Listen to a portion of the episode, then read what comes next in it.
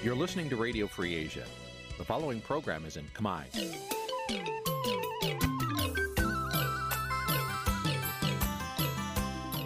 នេះជាកម្មវិធីផ្សាយ Vuthu Azizi Serai នេះជាកម្មវិធីផ្សាយរបស់ Vuthu Azizi Serai ជាភាសាខ្មែរ Vuthu Azizi Serai សូមស្វាគមន៍លោកអ្នកនាងទាំងអស់ពីរដ្ឋធានី Washington នៃសហរដ្ឋអាមេរិក បាទពីរដ្ឋធានីវ៉ាស៊ីនតោនខ្ញុំបាទសេកបណ្ឌិតសូមជម្រាបសួរអស់លោកអ្នកនាងកញ្ញាអ្នកស្ដាប់ទាំងអស់ជាទីមេត្រីខ្ញុំបាទសូមជូនកម្មវិធីផ្សាយសម្រាប់ព្រឹកថ្ងៃសៅរ៍15រោចខែភទ្របទឆ្នាំថោះបញ្ញស័កពុទ្ធសករាជ2567ត្រូវនៅថ្ងៃទី14ខែតុលាគ្រិស្តសករាជ2023បាទជាដំបូងនេះសូមអញ្ជើញអស់លោកអ្នកនាងស្ដាប់ព័ត៌មានប្រចាំថ្ងៃដែលមានមេតិការដូចតទៅ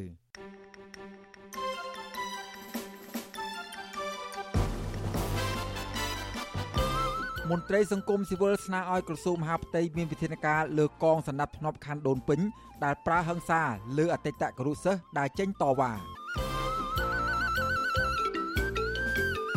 អ្នកតាមដានសង្គមថាលោកហ៊ុនសែនព្យាយាមពង្រឹងអធិបុលនយោបាយតាមរយៈការបង្កើនសមាជិកឧត្តមក្រុមប្រឹក្សាផ្ទាល់5មហាក្សត្រ ពលករខ្មែរដែលអាជ្ញាធរថៃចាប់ខ្លួនស្នើឲ្យស្ថានទូតជួយអន្តរាគមន៍ដោះលែងនិងជួយធ្វើឯកសារស្របច្បាប់វត្តមួយចំនួននៅខេត្តកំពង់ឆ្នាំងពុំសូវមានពុទ្ធបរិស័ទមកធ្វើបុណ្យដោយសារបញ្ហាជីវភាពក្រីក្រ រួមនឹងព័ត៌មានសំខាន់សំខាន់មួយចំនួនទៀត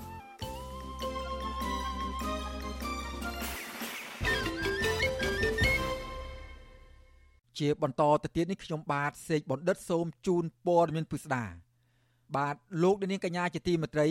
អង្គការសង្គមស៊ីវិលចាត់ទុកការប្រើអំពើហិង្សា ទៅលើអតីតគរុសិស្សវិទ្យាស្ថានជាតិអប់រំកាយនិងកីឡាគឺជាអំពើរំលោភសិទ្ធិមនុស្សធ្ងន់ធ្ងរនិងស្នើឲ្យក្រសួងមហាផ្ទៃមានវិធានការទៅលើក្រមរក្សាសណ្ដាប់ធ្នាប់ខណ្ឌដូនពេញដើម្បីផ្ដល់យុត្តិធម៌ដល់ជនរងគ្រោះជាបន្ទាន់អតីតគរុសិស្សលើកឡើងថា លោកមិនទាន់ទទួលបានដំណោះស្រាយពីក្រសួងមហាផ្ទៃនៅឡើយទេហើយលោកក៏មិនទាន់ទទួលបានសម្ភារៈដែលកងសម្ដាប់ធ្នាប់ខណ្ឌដូនពេញរឹបអូសយកនោះមកវិញនៅឡើយទេ បាទសូមស្ដាប់សេចក្តីរាយការណ៍របស់លោកទីនសាការីយ៉ាអំពីរឿងនេះពីរដ្ឋធានីវ៉ាស៊ីនតោនមន្ត្រីអង្គការសង្គមស៊ីវិលលើកឡើងថាការប្រើអំពើហិង្សានិងការរឹបអូសយកទ្រព្យសម្បត្តិរបស់អតីតគរុសិស្សវិទ្យាស្ថានជាតិអប់រំកាយនិងកីឡាពីសំណាក់អាជ្ញាធរខណ្ឌដូនពេញ គឺជាការរំលោភសិទ្ធិមនុស្សធ្ងន់ធ្ងរអ្នកនាំពាក្យសមាគមការពារសិទ្ធិមនុស្សអាត់ហុកលោកសង្សានករណាមានប្រសាសន៍ថាក្រមរក្សាស្នាប់ធ្នាប់ខណ្ឌដូនពេញមិនមែនជាមន្ត្រីនគរបាលប្រមត្តនដែលមានសិទ្ធិដកហូតសម្ភារៈឬទ្រព្យសម្បត្តិរបស់បុគ្គលណាម្នាក់នោះឡើយហើយការប្រើប្រាស់អំពើហិង្សាទៅលើអ្នកតវ៉ាដោយអហិង្សាគឺជាការបំពានច្បាប់ធ្ងន់ធ្ងរលោកបន្តថាក្រសួងមហាផ្ទៃត្រូវតែមានវិធានការទៅលើក្រមរក្សាស្ដាប់ធ្នាប់ខណ្ឌដូនពេញជាបន្ទាន់ ដើម្បីទប់ស្កាត់ការប្រើប្រាស់អំពើហិង្សាដែលជាអំពើរំលោភសិទ្ធិមនុស្សធ្ងន់ធ្ងរ បើនិយាយពីសមត្ថកិច្ចក្នុងការកសាងសំណុំរឿងវាតលអ្នកទាំងអស់នោះវាសុទ្ធសឹងថាជាមន្ត្រីនគរបាលយុតិធធហើយត្រូវបានបញ្ជាដោយតឡាការជាអ្នកចេញដីកាឬក៏បញ្ជាឲ្យមានការចាប់ខ្លួននាំខ្លួននឹងគឺត្រូវតែធ្វើឡើងដោយត្រឹមត្រូវណាអញ្ចឹងគួរតែមានការពិនិត្យមើលនៅអំពើនឹងទាំងអស់នេះឡើងវិញដើម្បីបញ្ជាពីការរិះគន់ផ្សេងផ្សេងពីប្រជាពលរដ្ឋក៏ដូចជាខាងតែអន្តរជាតិដែលគេសម្លឹងមើលអំពីការប្រតិបត្តិច្បាប់នៅក្នុងប្រទេសកម្ពុជាយើងនឹង ក្រមរក្សាស្ដាប់ធ្នាប់ខណ្ឌដូនពេញដែលតាំងខ្លួនជាអាជ្ញាធរខណ្ឌដូនពេញបានទះអតីតគរុសាស្ត្រវិទ្យាស្ថានជាតិអប់រំកាយនិងកីឡាលោកកែវសវណ្ណរិទ្ធមួយកំភ្លៀងចំសៀតផ្កានិងដួលមួយសន្ទុះទើបអាចក្រោកឈរវិញបាន ការប្រើអំពើហិង្សាវាយដំទៅលើលោកកែវសវណ្ណរិទ្ធនេះនៅពេលលោកឈរតវ៉ាទាមទាររយុទ្ធធរពីក្រសួងអប់រំកាលពីថ្ងៃទី9ដុល្លារក្រោយពីរងអំពើហិង្សាបែបនេះលោកកែវសវណ្ណរិទ្ធបានដាក់ពាក្យប្តឹងសុំអភិបាលខណ្ឌដូនពេញ បកស្រាយបំភ្លឺជំវិញនឹងការប្រើអំពើហិង្សាទៅលើលោកកាលពីថ្ងៃទី11ដុល្លារប៉ុន្តែរដ្ឋបាលខណ្ឌមិនព្រមទទួលយកលិខិតសុំបកស្រាយបំភ្លឺនោះឡើយលុះពេលលោកកែវសវណ្ណរិទ្ធចេញមកខាងក្រៅបរិវេណសាលាខណ្ឌស្រាប់តែក្រុមស្ដាប់ធ្នាប់ខណ្ឌដូនពេញឆក់យកទូរស័ព្ទនិងកាមេរ៉ារបស់លោក ហើយថែមទាំងគំរាមទារយកលេខសម្ងាត់ទូរស័ព្ទពីលោកថែមទៀតផង លោកកែវសវណ្ណរិទ្ធបានដាក់ពាក្យប្តឹងក្រុមសន្តិសុខស្ដាប់ធ្នាប់ខណ្ឌដូនពេញទៅកាន់ក្រសួងមហាផ្ទៃពីបទកំហែងយកក្នុងមាត្រា363នៃក្រមព្រហ្មទណ្ឌកាលពីថ្ងៃទី12ដុល្លារជំវិញនឹងរឿងនេះលោកកៅសវណ្ណរិទ្ធប្រាប់វិទ្យុអាស៊ីសេរីនៅថ្ងៃទី13ដុល្លារថាលោកមិនទាន់ទទួលបានការឆ្លើយតបពីក្រសួងមហាផ្ទៃនិងមិនទទួលបានសម្ភារៈរបស់លោកមកវិញនៅឡើយទេក្រុមរក្សាស្ដាប់ធ្នាប់ខណ្ឌដូនពេញប្រើអំពើហិង្សាវាយដំលោកវិញលោកកៅសវណ្ណរិទ្ធបញ្ជាក់ថា លោកក៏នឹងដាក់ពាក្យប្តឹងមួយផ្សេងទៀតទៅកាន់ក្រសួងមហាផ្ទៃដើម្បីស្វែងរកយុត្តិធម៌នៅបន្ទាប់ពីបន់ប្រជុំបិណ្ឌរួច បើនិយាយពីសមត្ថកិច្ចក្នុងការកសាងសំណុំរឿងវិទាល់អ្នកទាំងអស់នោះវាសុទ្ធសឹងថាជាមន្ត្រីនគរបាលយុតិធធហើយត្រូវបានបញ្ជាដោយតឡាការជាអ្នកចេញដីកាឬក៏បញ្ជាឲ្យមានការចាប់ខ្លួននាំខ្លួននឹងគឺត្រូវតែធ្វើឡើងដោយត្រឹមត្រូវណាអញ្ចឹងគួរតែមានការពិនិត្យមើលនៅអំពើនឹងទាំងអស់នេះឡើងវិញដើម្បីបញ្ជាពីការរិះគន់ផ្សេងផ្សេងពីប្រជាពលរដ្ឋក៏ដូចជាខាងតែអន្តរជាតិដែលគេសម្លឹងមើលអំពីការប្រតិបត្តិច្បាប់នៅក្នុងប្រទេសកម្ពុជាយើងនឹង ក្រៅពីមិនទទួលបានការបកស្រាយឲ្យបានច្បាស់លាស់ពីរដ្ឋមន្ត្រីក្រសួងអប់រំលោកហុងជុននរ៉ុនជុំវិញនឹងការលុបឈ្មោះរបស់លោកនិងអតីតគរុសាសចំនួន11នាក់ផ្សេងទៀតចេញពីវិជាស្ថានជាតិអប់រំកាយនិងកីឡាហើយនោះលោកកែវសវណ្ណរិទ្ធបែរជារងអំពើហិង្សានិងការចោទប្រកាន់ពីកម្លាំងសមត្ថកិច្ចថាធ្វើការបម្រើបរទេសទៅវិញក្រសួងអប់រំយុវជននិងកីឡាបានលុបឈ្មោះលោកកៅសវណ្ណរិទ្ធចេញពីវិជាស្ថានជាតិអប់រំកាយនិងកីឡាកាលពីខែធ្នូឆ្នាំ2021 បន្ទាប់ពីរកឃើញថាលោកខ្វះកម្ពស់2សង់ទីម៉ែត្រដែលខុសពីស្តង់ដារដែលក្រសួងតម្រូវទោះជាបែបនេះក្តីលោកកៅសវណ្ណរិទ្ធបដិញ្ញាថាលោកនឹងមិនបញ្ឈប់ការតវ៉ានោះទេដរាបណាលោកមិនទទួលបានការបកស្រាយឲ្យបានច្បាស់លាស់ជំវិញនឹងការលុបឈ្មោះរបស់លោកចេញពីវិជាស្ថានជាតិអប់រំកាយនិងកីឡានោះខ្ញុំបាទធីនសាការីយ៉ាអាស៊ីសេរីពីរដ្ឋធានី Washington បាទលោកអ្នកនាងកញ្ញាជាទីមេត្រី តកតងនឹងបញ្ហានយោបាយដែលស្ថិតនៅក្រោមការគ្រប់គ្រងដឹកនាំរបស់លោកនាយករដ្ឋមន្ត្រីហ៊ុនម៉ាណែតវិញអ្នកតាមដានស្ថានភាពសង្គមមើលឃើញថាការតែងតាំងសមាជិកឧត្តមក្រុមប្រឹក្សាផ្ទាល់5មហាក្សត្រថ្មីចំនួន4នាក់បន្ថែមគឺធ្វើឡើងក្នុងគោលបំណងប្រមូលផ្ដុំអ្នកមានឥទ្ធិពលនយោបាយពីរដ្ឋាភិបាលចាស់និងមិនផ្ដល់ផលប្រយោជន៍ដល់សង្គមជាតិនោះឡើយមន្ត្រីគណៈបកប្រឆាំងលើកឡើងថា ការតែងតាំងសមាជិកឧត្តមក្រុមប្រឹក្សាផ្ទាល់ព្រះមហាក្សត្រថ្មីនេះគឺជាបន្ទុកចំណាយថវិកាជាតិបន្ថែមទៀតពីលើការចំណាយខ្ជះខ្ជាយរបស់រដ្ឋាភិបាលក្បាលធំខ្លួនតូចរបស់លោកហ៊ុនម៉ាណែតអ្នកតាមដានសង្គមថាបើទោះបីជាទូនាទីឧត្តមប្រឹក្សាផ្ទាល់ព្រះមហាក្សត្រមិនមានឥទ្ធិពលនៅលើឆាកនយោបាយក្តីប៉ុន្តែទូនាទីដែលស្មើឧបនាយករដ្ឋមន្ត្រីនេះក៏អាចជាខែលការពារកូនកូនរបស់ពួកគេ នៅក្នុងរដ្ឋាភិបាលថ្មីដែរ អ្នកតាមដានភូមិសាស្ត្រនយោបាយតំបន់អាស៊ីអាគ្នេយ៍និងប៉ាស៊ីហ្វិកលោកសេងវ៉ាន់លី មានប្រសាសន៍ថាការបង្កើនចំនួនសមាជិកក្រុមប្រឹក្សាផ្ទាល់ព្រះមហាក្សត្រដែលមានឋានៈស្មើឧបនាយករដ្ឋមន្ត្រីប្រៀបដូចជាការពង្រឹងអំណាចរដ្ឋាភិបាលស្រមោលឲ្យមានអំណាចគ្រប់គ្រាន់ដើម្បីងាយស្រួលអន្តរាគមទៅលើរដ្ឋាភិបាលថ្មីរបស់លោកហ៊ុនម៉ាណែត ព្រោះសមាជិកឧត្តមប្រឹក្សា5មហាក្សត្រថ្មីទាំងនេះសុទ្ធតែមានកូនកូន និងបណ្ដាញបពពួករបស់ខ្លួន នៅក្នុងរដ្ឋាភិបាលថ្មី លោកបន្តថាការបង្កើនអធិបុលរបស់អតីតមន្ត្រីជាន់ខ្ពស់មកលើការដឹកនាំរដ្ឋាភិបាលថ្មីក៏ឆ្លុះបញ្ចាំងពីការអនុវត្តផ្ទុយទៅនឹងយុទ្ធសាស្ត្របញ្ចកោណដែលលោកហ៊ុនម៉ាណែតចង់ធ្វើកំណែតម្រង់នយោបាយឲ្យស៊ីជម្រៅផងដែរ សមាជិកក្រុមកោសាររបស់សមាជិកឧត្តមក្រុមប្រឹក្សាថ្មីនេះសុទ្ធតែមានទូរទស្សន៍សំខាន់ៗនៅក្នុងជួរបកក៏ដូចជានៅក្នុងជួរគណៈរដ្ឋមន្ត្រីថ្មីរបស់លោកនាយករដ្ឋមន្ត្រីថ្មីជាបានខ្ញុំគិតថាការតែងតាំងនេះវាមិនមែនជារឿងចម្លែកទេដោយសារតែបុគ្គលទាំង4អ្នកដែលទៅតែងតាំងថ្មីគាត់មានបណ្ដាញមានខ្សែស្រឡាយរបស់គាត់ការទូរទស្សន៍សំខាន់នៅក្នុងគណៈរដ្ឋមន្ត្រីថ្មីប្រតិកម្មរបស់អ្នកតាមដានភូមិសាស្ត្រនយោបាយបែបនេះធ្វើឡើងបន្ទាប់ពីព្រះមហាក្សត្រព្រះបាទនរោត្តមសីហមុនី បានចេញព្រះរាជក្រឹត្យតែងតាំងលោកជាសភារា លោកប៊ិនឈិន លោកកែកំយ៉ាន និងលោកប្រាក់សុខុន ជាសមាជិកប្រឹក្សាផ្ទាល់ព្រះមហាក្សត្រដែលមានឋានៈស្មើឧបនាយករដ្ឋមន្ត្រីបន្ថែមទៀតកាលពីថ្ងៃទី12ខែតុលាគិតមកដល់ពេលនេះ លើកលែងតែលោកហៅដំហុំម្នាក់ចេញ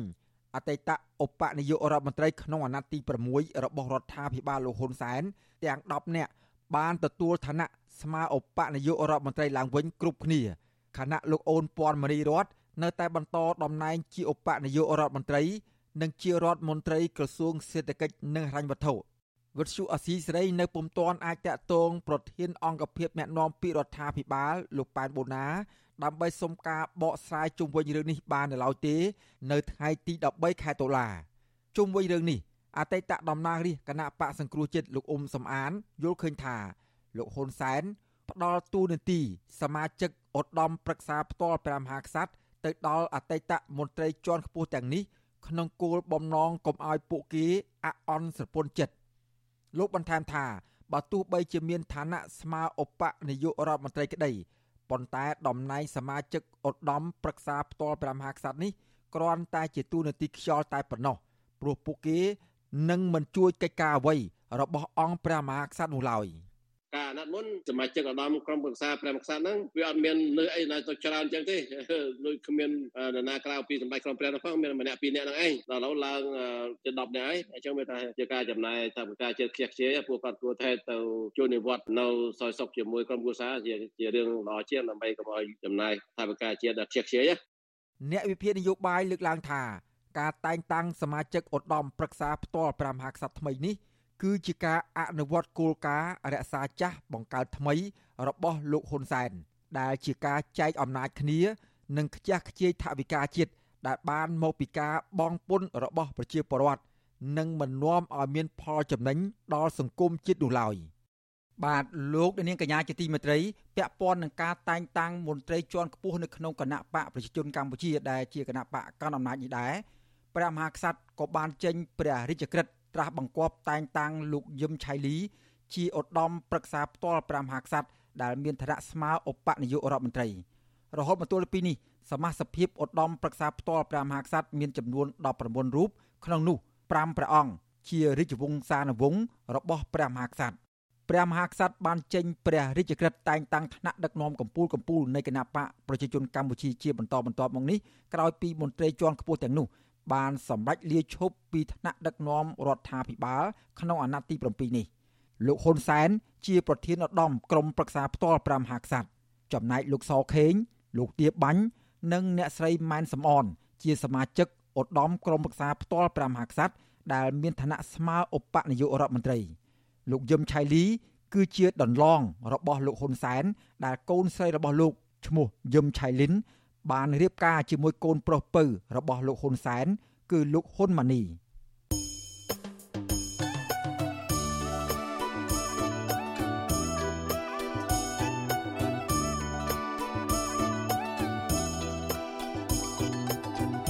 បាទលោកអ្នកនាងកញ្ញាជាទីមេត្រីលោកអ្នកនាងកំពុងតាមដានស្ដាប់ការផ្សាយរបស់វិទ្យុអស៊ីសេរីពីរដ្ឋធានីវ៉ាស៊ីនតោនសហរដ្ឋអាមេរិក។ បាទក្រៅពីលោកដែលនាងតាមដានស្ដាប់ការផ្សាយរបស់យើងខ្ញុំតាមរយៈបណ្ដាញសង្គមមាន YouTube Facebook និងបណ្ដាញសង្គមថ្មីរួមមាន Telegram និង Instagram នោះលោកដែលនាងក៏អាចស្ដាប់ការផ្សាយរបស់យើងខ្ញុំតាមរយៈវិទ្យុរលកធារកាសខ្លីឬ Shortwave បានដែរបាទពេលព្រឹកចាប់ពីម៉ោង5កន្លះដល់ម៉ោង6កន្លះតាមរយៈប៉ុស SW 12.14 MHz ស្មើនឹងកម្ពស់ 25m និងប៉ុស SW 13.71 MHz ស្មើនឹងកម្ពស់ 22m នៅពេលយប់ចាប់ពីម៉ោង7កន្លះដល់ម៉ោង8កន្លះតាមរយៈប៉ុស SW 9.33 MHz ស្មើនឹងកម្ពស់ 32m ប៉ុស SW 11.88 MHz ស្មើនឹងកម្ពស់ 25m និងប៉ុស SW 12.15 MHz ស្មើនឹងកម្ពស់ 25m បាទសូមអរគុណ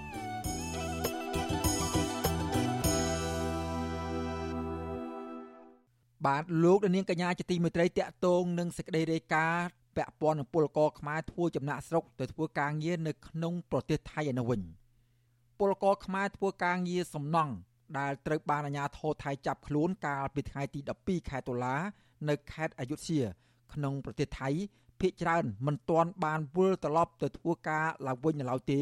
គណៈមន្ត្រីស្ថានទូតនិងថៅកែកំពុងជួយសម្របសម្រួលជាមួយនឹងប៉ូលីសថៃ។ ពលករនិងមន្ត្រីអង្គការសង្គមស៊ីវិលជំរុញដល់មន្ត្រីស្ថានទូតឲ្យអន្តរាគមជួយដោះលែងបន្ថែមទៀតជាពិសេសជួយធ្វើសម្បត្តិស្នាមស្របច្បាប់ឲ្យកម្មករទាំងនោះ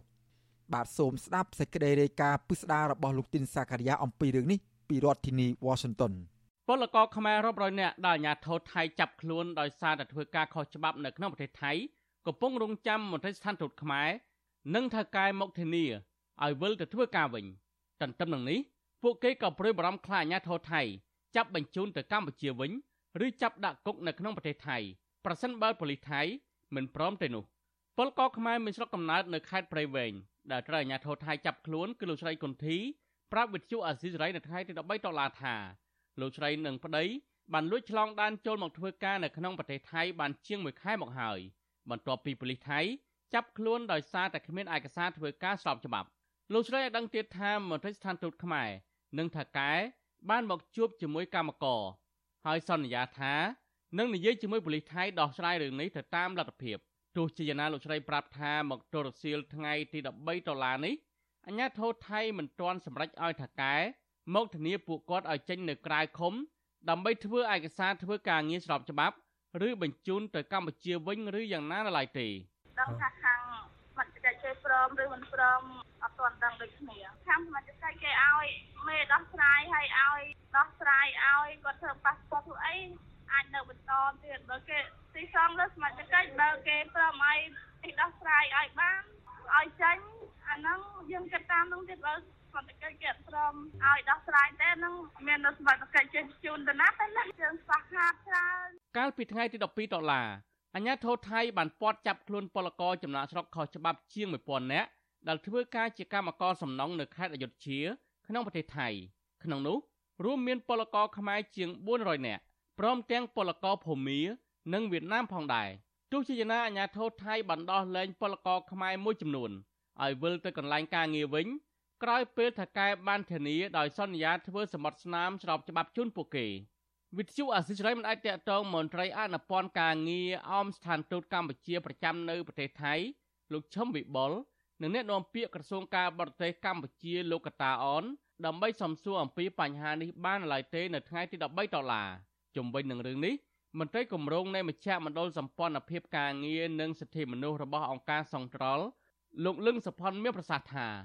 លោកបានតាក់ទងពលករខ្មែរដែលអាញាធរថៃខាត់ខ្លួនដើម្បីចង់ដឹងពីស្ថានភាពនិងសវត្ថិភាពរបស់ពួកគាត់នៅទីនោះលោកឲ្យដឹងទៀតថាពលករខ្មែរតិចតួចប៉ុណ្ណោះត្រូវបានថៅកែធានាយកចេញពីទីឃុំឃាំងប៉ុន្តែគិតមកត្រឹមរសៀលថ្ងៃទី13ដុល្លារនេះក្រុមពលករខ្មែរភៀកច្រើននៅតែជាប់ឃុំនៅកន្លែងប៉ូលីសដោយសារតែពួកគាត់រងចាំលទ្ធផលដែលមន្ត្រីអនុព័ន្ធការងារនៃស្ថានទូតខ្មែរជួបដោះស្រាយជាមួយភាគីថៃ។ប៉ូ លីសបានពិនិត្យស្រាវជ្រាវមើលទៅឃើញថាទាំងពលករខ្មែរទាំងពលករវៀតណាមទាំងពលករភូមិដែលធ្វើការនៅកន្លែងហ្នឹងគឺភាគច្រើនហ្នឹងសិតតែអត់មានឯកសារត្រឹមត្រូវទាំងអស់ទាំងហើយខាងអាជ្ញាធរហ្នឹងក៏គាត់បានបញ្ជាក់ដែរថាបើសិនជាថាការមិនចេញមកទូលរ៉ាប់រងធ្វើឯកសារជូនពួកគាត់ទេគេនឹងបញ្ជូនទៅតាមប្រទេសកំណត់ វិញទាំងពលករនៅហ្នឹងក៏គាត់រងចាំមើលដែររងចាំមើលថាគេឲ្យទៅណាមកណីគាត់អត់ដឹងច្បាស់លោកលឹងសុផុនបន្តថាបរដ្ឋខ្មែរចំណាក់ស្រុកខុសច្បាប់ ធ្វើការងារនៅក្នុងប្រទេសថៃជួបបញ្ហាដដែលដដែលដែលកើតមានច្រើនករណីរួចមកហើយហើយរដ្ឋាភិបាលពុំបានដោះស្រាយជូនពួកគេឲ្យបានជាក់លាក់ចំពោះបញ្ហាពលករដែលធ្វើការគ្មានឯកសារនៅប្រទេសថៃនេះលោកបញ្ជាក់ថាដើម្បីដោះស្រាយបញ្ហានេះរដ្ឋាភិបាលគួរតែបង្កើតការងារ នៅក្នុងស្រុកឲ្យបានច្រើនដើម្បីឲ្យបរិវត្តរកប្រាក់ចំណូលដោះស្រាយជីវភាពគ្រួសារ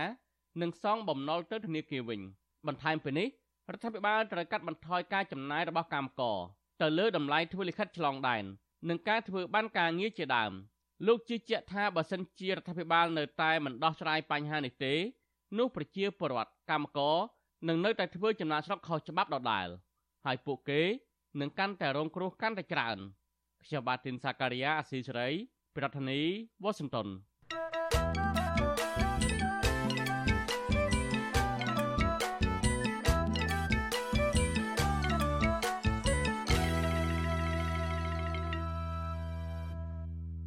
បាទលោកនាងកញ្ញាជាទីមេត្រីឥឡូវនេះពាក់ព័ន្ធនឹងពិធីបុណ្យភ្ជុំបិណ្ឌរបស់ពលរដ្ឋខ្មែរវិញបាទវត្តមួយចំនួន នៅខេត្តកំពង់ឆ្នាំង ពុំសូវមានពុទ្ធបរិស័ទមកធ្វើបុណ្យទាននោះទេ ក្នុងរដូវកាន់បិណ្ឌឆ្នាំនេះដោយសារតែពួកគេមានបញ្ហាជីវភាពខ្វះខាតពលរដ្ឋបានចាក់ចេញពីស្រុកទៅប្រទេសថៃស្ទើរតែស្ងាត់ភូមិ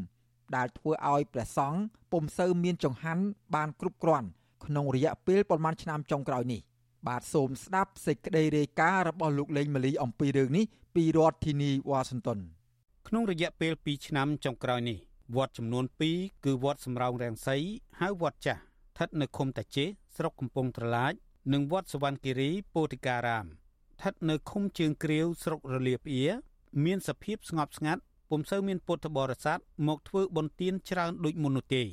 ចំណែកព្រះសង្ឃពុំហ៊ានមានថេរដីកាជំវិញបញ្ហានេះទេដោយសារតែមានការហាមឃាត់ពីមន្ទីរធម្មការនិងសាសនាខេត្តពុំអោយព្រះសង្ឃលើកឡើងជំវិញបញ្ហានេះ គណៈកម្មការអាចារ្យវត្តសំរោងរាំងសីហៅវត្តចាស់លោកនាងអ៊ីតប្រាប់វិទ្យុអស៊ីសេរីនៅថ្ងៃទី12តុលាថាក្នុងអំឡុងពេល15ថ្ងៃនៃថ្ងៃកាន់បិណ្ឌនេះពុំសូវមានពុទ្ធបរិស័ទមកធ្វើបុណ្យទានច្រើននោះទេហើយលោកក៏ពុំសូវដឹងអំពីមូលហេតុច្បាស់លាស់តែយ៉ាងណាក្តី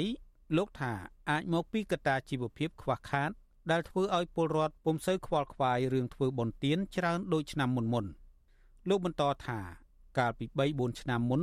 វត្តសំរោងរាំងសីហៅវត្តចាស់នេះតែងតែឃើញពុទ្ធបរិស័ទមកវត្តធ្វើបុណ្យទាននិងចូលបច្ច័យកសាងវត្តជាហោហែ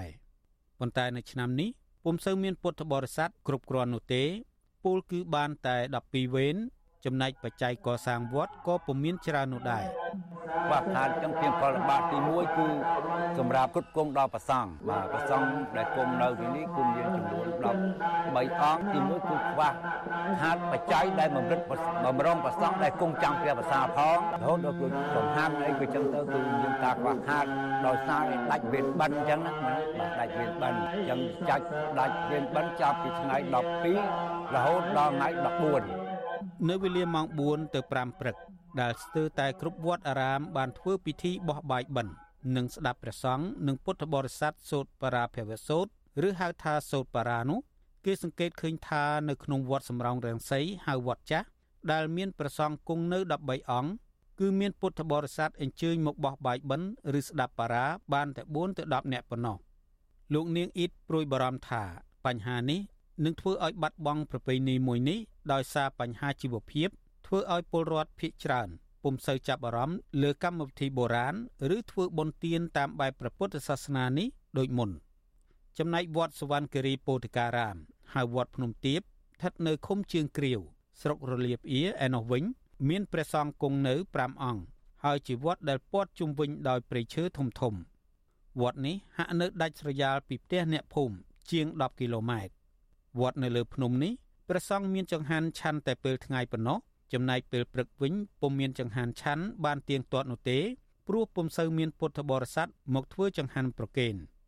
អាចារ្យវត្តភ្នំទៀបដែលមើលការខុសត្រូវនៅក្នុងវត្តនេះតាំងពីឆ្នាំ1995ដល់បច្ចុប្បន្នលោកមលសៃលើកឡើងថាបញ្ហាខ្វះចង្ហាន់របស់ព្រះសង្ឃនេះគឺកើតមានតាំងពីមានវិបត្តិជំងឺ Covid-19 មកម្ល៉េះលោកបន្តថានៅក្នុងរដូវកាន់បិណ្ឌនេះគឺមានប្រជាពលរដ្ឋមកធ្វើបុណ្យទានតែបន្តិចបន្តួច ឬនៅថ្ងៃសៅរ៍អាទិត្យឯពេលខ្លះព្រះសង្ឃដាច់ចង្ហាន់2ទៅ3ថ្ងៃជាប់ជាប់គ្នាក៏មានដោយសារតែវត្តមួយនេះពុំមានពុទ្ធបរិស័ទចំណុះជើងវត្តនោះឡើយលោកបន្តថាប្រជាពលរដ្ឋភៀកច្រើននៅឃុំជើងគ្រាវស្រុករលាផ្អៀពុំសូវមានជីវភាពល្អដែលធ្វើឲ្យពួកគេពុំសូវគិតគូររឿងបុណ្យទានដែលមួយឆ្នាំពួកគេមានពេលធ្វើបុណ្យទានបានតែ2ទៅ3ដងប៉ុណ្ណោះ មួយរយៈកូវីដនេះវាថយខ្លាំងទៅមួយរយៈកូវីដប្រហែលមួយឆ្នាំជាងនេះមួយឆ្នាំនេះបាទឥឡូវបានមកគ្រប់គ្រាន់វិញតែវាដូចថាវាមកវាបានពេលព្រឹកវាបានពេលថ្ងៃត្រង់នេះដូចគេនិយាយអញ្ចឹងណានៅបានពេលព្រឹកទេ បាទពេលថ្ងៃត្រង់ទេពេលព្រឹកវាអត់ទៅមានមកព្រោះវាគ្នាគ្នាឆ្ងាយពុតបោះសัตว์យើងដើរស្នើសុំគេដើរស្នើសុំតាមភូមិគេម្នាក់វេនវេនមានគេថាគេគេមកតែគេអត់មានកំណត់ឲ្យយើងថាឥឡូវខ្ញុំថ្ងៃនេះខ្ញុំកាន់វេនទេខ្ញុំថ្ងៃកាន់វេនអត់ទេតែគេនឹកថាគេនឹកឃើញគេចង់មកគេមកមកប៉ុណ្ណឹងទេប្រធានមន្ត្រីធម្មការនិងសាសនាខេត្តកំពង់ឆ្នាំងលោកសលៀងសរសេរប្រាប់បទអស៊ីសេរី នៅថ្ងៃទី12តុលាតាមប្រព័ន្ធអេឡិចត្រូនិកយ៉ាងខ្លីថា ចំពោះបញ្ហាខ្វះខាតចង្ហាន់របស់ព្រះសង្ឃនៅតាមវត្តមួយចំនួន គឺមន្ទីរធម្មការនិងសាសនាពុំមានដំណោះស្រាយទេ តែទោះយ៉ាងណាក្តីមន្ទីរធម្មការនិងសាសនានឹងចុះពិនិត្យដោយផ្ទាល់ជាមុនសិនលោកបន្តថាដោយឡែកចំពោះការហាមឃាត់ព្រះសង្ឃពុំឲ្យមានធរៈដីការឿងខ្វះចង្ហាន់នោះគឺពុំពិតឡើយជុំវិញរឿងនេះប្រធានសមាគមសម្ព័ន្ធនិស្សិតបញ្ញវន្តខ្មែរលោកកើតសរាយនិងជាអតីតអ្នកបួសដែរនោះមានប្រសាសន៍ថា ការខ្វះចង្ហាន់របស់ព្រះសង្ឃនេះគឺកើតមានគ្រប់កន្លែង ជាពិសេសតំបន់ដាច់ស្រយាលកត្តានេះគឺជាក្តីបារម្ភមួយដោយសារតែជីវភាពខ្វះខាតរបស់ពលរដ្ឋលោកសង្កេតឃើញថា នៅតាមវត្តមួយចំនួន មានសភាពស្ងប់ស្ងាត់ស្ទើរតែគ្មានពុទ្ធបរិស័ទយកចង្ហាន់ទៅប្រគេនព្រះសង្ឃឡើយហើយអាជ្ញាធរពាក់ព័ន្ធគួរតែគិតគូរឲ្យបានត្រឹមត្រូវជុំវិញបញ្ហាទាំងនេះ ដូច្នេះអ្នកបួសគឺរស់អាស្រ័យជាមួយនឹងបរិស័ទគេទេយទានចង្ហាន់នំនេកបាយទឹកបងស្បៃត្រៃយវរអីផ្សេងផ្សេងចឹងហើយចុះកាលណាដែលបរិស័ទគាត់អត់មានលទ្ធភាពក្នុងការចំណាយសម្បីតែការដោះស្រាយជីវភាពប្រចាំថ្ងៃរបស់ខ្លួនឯងក៏អត់ផងចុះបរិស័ទអត់មានចង្ហាន់បិណ្ឌបាតប្រគេនតើឲ្យអ្នកបួសទៅរស់មិនអាហ្នឹងជាបញ្ហាចង់មិនចង់គឺអ្នកបួសត្រូវតែជាដើមចមួយដែរនៅក្នុងការរងគ្រោះអំពីវិបត្តិជីវភាពរបស់ពលរដ្ឋណាបាទ ព្រះសង្ឃនិងគណៈកម្មការអាចារ្យវត្តទទូចដល់អាជ្ញាធរពាក់ព័ន្ធឲ្យគិតគូរដល់ជីវភាពរស់នៅប្រចាំថ្ងៃរបស់ប្រជាពលរដ្ឋឲ្យបានល្អប្រសើរដើម្បីកាត់បន្ថយភាពក្រីក្ររបស់ពលរដ្ឋពួកគេថាកាលណាប្រជាពលរដ្ឋមានជីវភាពល្អមានថវិកាគ្រប់គ្រាន់គឺពលរដ្ឋទាំងនោះនឹងមានពេលវេលាជួបជុំបងប្អូនធ្វើបុណ្យទានតាមប្រពៃណីជារៀងរាល់ឆ្នាំ ដូចជាបុណ្យភ្ជុំបិណ្ឌនិងបុណ្យចូលឆ្នាំខ្មែរជាដើម ដែលជាកម្មវិធីបុណ្យធំរបស់ខ្មែរតាមបែបព្រះពុទ្ធសាសនាខ្ញុំបាទលេងម៉ាលីវិទ្យុអស៊ីសេរី Washington បាទលោកនាងកញ្ញាជាទីមេត្រីតកតងនឹងសុខទុក្ខរបស់សកម្មជននយោបាយនិងសកម្មជនសង្គមដែលកំពុងជាប់ពន្ធនាគារនៅក្នុងឱកាសប្រារព្ធពិធីបុណ្យភ្ជុំបិណ្ឌនេះដែរប្រពន្ធនិងសាច់ញាតិសកម្មជនគណៈបកប្រឆាំងមួយចំនួន បានធ្វើបាយមហូប នំចំណីនិងអន្សម ផ្ញើសាច់ញាតិរបស់ពួកគេនៅក្នុងពន្ធនាគារក្នុងរដូវបុណ្យភ្ជុំបិណ្ឌមន្ត្រីសិទ្ធិមនុស្សជំរុញទៅរដ្ឋាភិបាលថាគួរតែដោះលែងអ្នកទួលនយោបាយឲ្យមានសេរីភាពឡើងវិញបាទយើងប្រកូលនេតិនេះជូនដល់លោកយ៉ងច័ន្ទរារាយការណ៍ជូនលោកនាងពីរដ្ឋធានី Washington រដូវបុណ្យភ្ជុំបិណ្ឌឆ្នាំនេះក៏មិនខុសពីឆ្នាំមុនមុនដែរគឺសាច់ញាតិសកម្មជនគណៈបកប្រឆាំងនៅតែមិនអាចប្រារព្ធពិធីនេះដើម្បីជួបជុំប្តីនិងឪពុករបស់ពួកគេដដែល។ ពួកគាត់បានត្រឹមធ្វើបាយម្ហូបនំចំណីយកទៅជូនប្តីនិងឪពុកនៅឯពន្ធនាគារកូនស្រីរបស់សកម្មជនបកប្រឆាំងលោកហេងចាន់សុធីគឺកញ្ញាហេងបូរីឲ្យវិទ្យុអាស៊ីសេរីដឹងនៅថ្ងៃទី13តុលាថាកញ្ញាបានទៅជួបឪពុករបស់កញ្ញាម្ដងរួចមកហើយកាលពីពេលថ្មីថ្មីនេះដោយបានរៀបចំបាយម្ហូបផ្លែឈើនិងរបស់របរប្រើប្រាស់ជូនឪពុក កញ្ញាបន្តទៀតថាកញ្ញាគ្រងទៅជួបសួរសុខទុក្ខឪពុកម្ដងទៀតនៅថ្ងៃច័ន្ទដើមសប្តាហ៍ក្រោយដើម្បីយកនំអន្សមនិងយកថ្នាំពេទ្យទៅផ្ញើឪពុករបស់កញ្ញាកូនស្រីរបស់សកម្មជនគណៈបកសង្គ្រោះជាតិរូបនេះចង់ឃើញរដ្ឋាភិបាលថ្មីដោះលែងអ្នកទោសនយោបាយនិងឪពុករបស់កញ្ញាឲ្យមានសេរីភាពឡើងវិញ។ មិនថាពេលភ្ជុំឬក៏ពេលណាគឺអាការនឹករលឹកចំពោះគាត់ហ្នឹងគឺមានរហូតតែជាពិសេសបើនៅរដូវភ្ជុំនេះផងយើងកាន់តែមានអារម្មណ៍ថាស្ងេះស្ងោចនឹកគាត់កាន់តែខ្លាំងព្រោះដោយសារភ្ជុំគេជួបជុំគ្រួសារឃើញគ្រួសារគេជួបជុំគ្នាសប្បាយរីករាយតែយើងយើងអាចបានជួបជុំគ្នាស្រដៀងគ្នានេះដែរប្រពន្ធសកម្មជនគណៈបកប្រឆាំងលោកកកុម្ភាដែលកំពុងជាប់ពន្ធនាគារដែរនោះគឺលោកស្រីព្រំចន្ទថាឲ្យដឹងថា លោកស្រីបានធ្វើនំបញ្ចុកឲ្យប្តីរបស់លោកស្រីនិងអ្នកទោសនយោបាយផ្សេងទៀតពិសានៅក្នុងពន្ធនាគារកាលពីថ្ងៃទី10ខែតុលាប្តីរបស់លោកស្រីបានត្អូញត្អែថាគ្រួសាររបស់លោកស្រីមិនបានជួបជុំគ្នាធ្វើបុណ្យភ្ជុំនេះចំនួន3ឆ្នាំរួចមកហើយប្រពន្ធរបស់សកម្មជនគណៈបកសង្គ្រោះជាតិរូបនេះនៅតែចាត់ទុកការចាប់ខ្លួននិងចោទប្រកាន់ប្តីរបស់លោកស្រីគឺជាទង្វើអយុត្តិធម៌និងជាការធ្វើទុកបុកម្នេញលើអ្នកនយោបាយបកប្រឆាំង។ គួរគិតថាទោះជាបនទៀនធំដុំក៏គេលើកលែងទោសដែរដោយស្រែកក៏ដោយក៏លេគេមកឲ្យទទួលមគ្គផលពីញាតិខៅសកម្មទាំងអស់តែសម្រាប់រដ្ឋាភិបាលអត់ទៅលែងកម្ពុជាសាខ្ញុំទេគឺទុកគាត់រហូតទោះជាយ៉ាងណាក៏ដោយមានកម្ពុជាយ៉ាងណាក៏ដោយគាត់នៅអត់ទៅលែងដែរចា៎លោកស្រីព្រំចន្ទថាឲ្យដឹងទៀតថារដូវបុណ្យភ្ជុំឆ្នាំនេះមន្ត្រីពន្ធនាគារបានអនុញ្ញាតឲ្យសាច់ញាតិទៅសួរសុខទុក្ខអ្នកជាប់ឃុំជាធម្មតាលើកលែងតែថ្ងៃសៅរ៍និងថ្ងៃអាទិត្យដែលគេមិនអនុញ្ញាត តកតងទៅនឹងរឿងនេះអ្នកនាំពាក្យអគ្គនាយកដ្ឋានពន្ធនាគារនៃក្រសួងមហាផ្ទៃលោកនុតសវណ្ណាឲ្យដឹងថាមន្ត្រីពន្ធនាគារនៅតែអនុញ្ញាតឲ្យសាច់ញាតិអ្នកជាប់ឃុំទៅសួរសុខទុក្ខនិងយកបាយម្ហូបនំចំណីជូនទៅដល់អ្នកជាប់ឃុំដូចនៅថ្ងៃធម្មតាដែរលោកអះអាងថាក្រៅពីនេះខាងពន្ធនាគារក៏រៀបចំពិធីសាសនានៅក្នុងពន្ធនាគារដើម្បីឲ្យអ្នកជាប់ឃុំទាំងនោះអាចធ្វើពិធីបុណ្យភ្ជុំបិណ្ឌនេះដែរ។ ដល់អប់រំកែប្រែទាំងអស់គ្រប់គោលដៅយើងអនុញ្ញាតឲ្យមានការប្រារព្ធពិធីសាសនាតាមប្រពៃណីទំនៀមទម្លាប់ខ្មែរយើងការសូត្រមន្តចម្រើនព្រះបរិត្តអីជាដើមឬក៏ដាក់បាតប្រគេនចង្ហាន់យើងមានពិធីសាសនាគ្រប់គោលដៅទាំងអស់ហើយបានធ្វើអស់ហើយចាប់តាំងពីមានវិបត្តិនយោបាយកាលពីឆ្នាំ2017រហូតមកដល់ពេលបច្ចុប្បន្ននេះ រដ្ឋាភិបាលដែលគ្រប់គ្រងដោយគណៈបកប្រជាជនកម្ពុជាបានចាប់សកម្មជនគណៈបកប្រឆាំងដាក់ពន្ធនាគារជាបន្តបន្ទាប់អ្នកខ្លោមើលសិទ្ធិមនុស្សជាតិនិងអន្តរជាតិបានរិះគន់ថាការចាប់ខ្លួនសកម្មជននយោបាយទាំងនោះគឺជាការធ្វើទុកបុកម្នេញមិនមែនជាការអនុវត្តច្បាប់ដោយត្រឹមត្រូវឡើយនាយកទទួលបន្ទុកកិច្ចការទូតទៅនៃអង្គការសិទ្ធិមនុស្សលីកាដូលោកអំសំអាតយល់ថានេះគឺជារឿងគួរឲ្យសង្វេគសម្រាប់សាច់ញាតិបកប្រឆាំងដែលមិនអាចជួបជុំសាច់ញាតិ ប្តីឬមួយក៏ឪពុករបស់ខ្លួនបាននៅក្នុងរដូវបុណ្យភ្ជុំបិណ្ឌនេះមន្ត្រីសិទ្ធិមនុស្សរូបនេះសង្កេតឃើញថាអ្នកទាំងនោះជាប់ឃុំពីព្រោះតែបញ្ហានយោបាយដូច្នេះរដ្ឋាភិបាលគួរតែដោះលែងឲ្យពួកគាត់បានរស់នៅជួបជុំសាច់ញាតិឡើងវិញ។ ដើម្បីសម្រួលនៅបរិយាកាសស្ថានភាពសិទ្ធិមនុស្សក៏ដូចជាស្ថានភាពនយោបាយនៅប្រទេសកម្ពុជាគួរតែពិចារណានៅក្នុងការដោះលែងអ្នកទាំងអស់ហ្នឹងឲ្យមានសេរីភាពណាពីព្រោះការចោទប្រកាន់កន្លងមកវាហាក់ដូចជាមិនសមហេតុផលសម្រាប់ពួកគេនោះទេបាទអង្គការលីកាដូរកឃើញថាគិតត្រឹមថ្ងៃទី13ខែតុលាសកម្មជននយោបាយបរិស្ថាន សង្គមនិងសកម្មជនដីធ្លីសរុបចំនួន44នាក់ កំពុងជាប់ឃុំនៅក្នុងពន្ធនាគារដោយសារតែភាពសកម្មនិយមបែបសន្តិវិធីឬក៏ការងាររបស់ពួកគាត់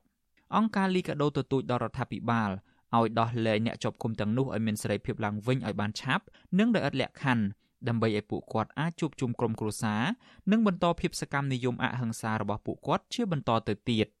ខ្ញុំយ៉ងច័ន្ទដារាវិទ្យុអាស៊ីសេរី Washington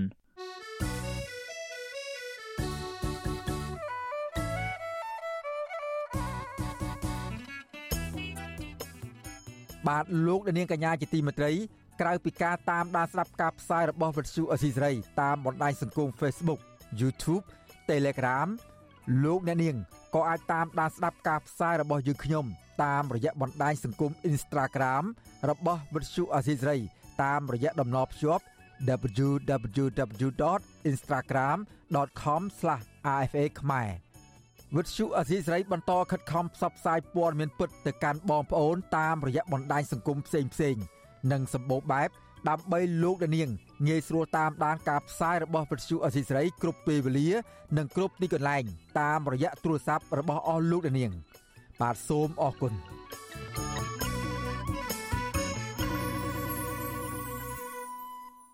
បាទលោកនាងកញ្ញាជាទីមេត្រីឥឡូវនេះពាក់ព័ន្ធនឹងព័ត៌មានស្ដីពីបរិស្ថានវិញ សកម្មជនការពីប្រៃឡង់អះអាងថា ពិតជាមានស្ថាបនាផ្លូវមួយខ្សែថ្មីទៀតឆ្ពោះចូលទៅក្នុងដែនជំរកសត្វប្រៃឡង់ក្នុងខេត្តកោះចេះនិងខេត្តស្ទឹងត្រែងដើម្បីសម្រួលដល់អាជីវកម្មដឹកឈើមានតម្លៃនិងអាជីវកម្មរ៉ែថ្មម៉ាបដោយក្រុមហ៊ុនឯកជន ការលើកឡើងនេះឆ្លើយតបនឹងសេចក្តីប្រកាសព័ត៌មានរបស់ក្រសួងបរិស្ថាន ដែលអះអាងថាពុំមានការឈូសឆាយផ្លូវចូលទៅក្នុងតំបន់ព្រៃឡង់ ដោយការរកឃើញរបស់ស្ថាប័នសារព័ត៌មានអន្តរជាតិមុងកាបេនោះទេ បាទលោកនាងនឹងបានស្ដាប់សេចក្តីរាយការណ៍អំពីរឿងនេះនាពេលបន្តិចទៀត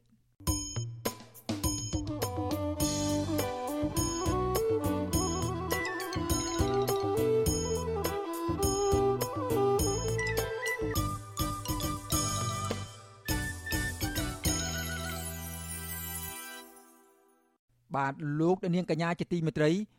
មន្ត្រីសង្គមស៊ីវិលនិងសកម្មជនបរិស្ថានបារម្ភថាគម្រោងព្រែកជីកហ្វូណនដៃជោអាចនឹងមានផលប៉ះពាល់ទៅលើការរស់នៅ និងជីវភាពរស់នៅរបស់ប្រជាពលរដ្ឋតាមរយៈការបណ្តេញចេញដោយបំពេញនិងមិនផ្ដល់សំណងសមរម្យជាដើមពួកគាត់ស្នើឲ្យរដ្ឋាភិបាល និងក្រុមហ៊ុន ទទួលការសាងសង់សិក្សាវិតម្លៃពីផលប៉ះពាល់ដល់បរិស្ថាន និងប្រជាពលរដ្ឋឲ្យបានម៉ត់ចត់ជាមុនដើម្បីឲ្យការអភិវឌ្ឍធ្វើឡើងដោយគ្មានការរំលោភសិទ្ធិមនុស្សបាទសូមស្ដាប់សេចក្តីរាយការណ៍អំពីរឿងនេះរបស់លោកថាថៃពីទីក្រុងមែលប៊ន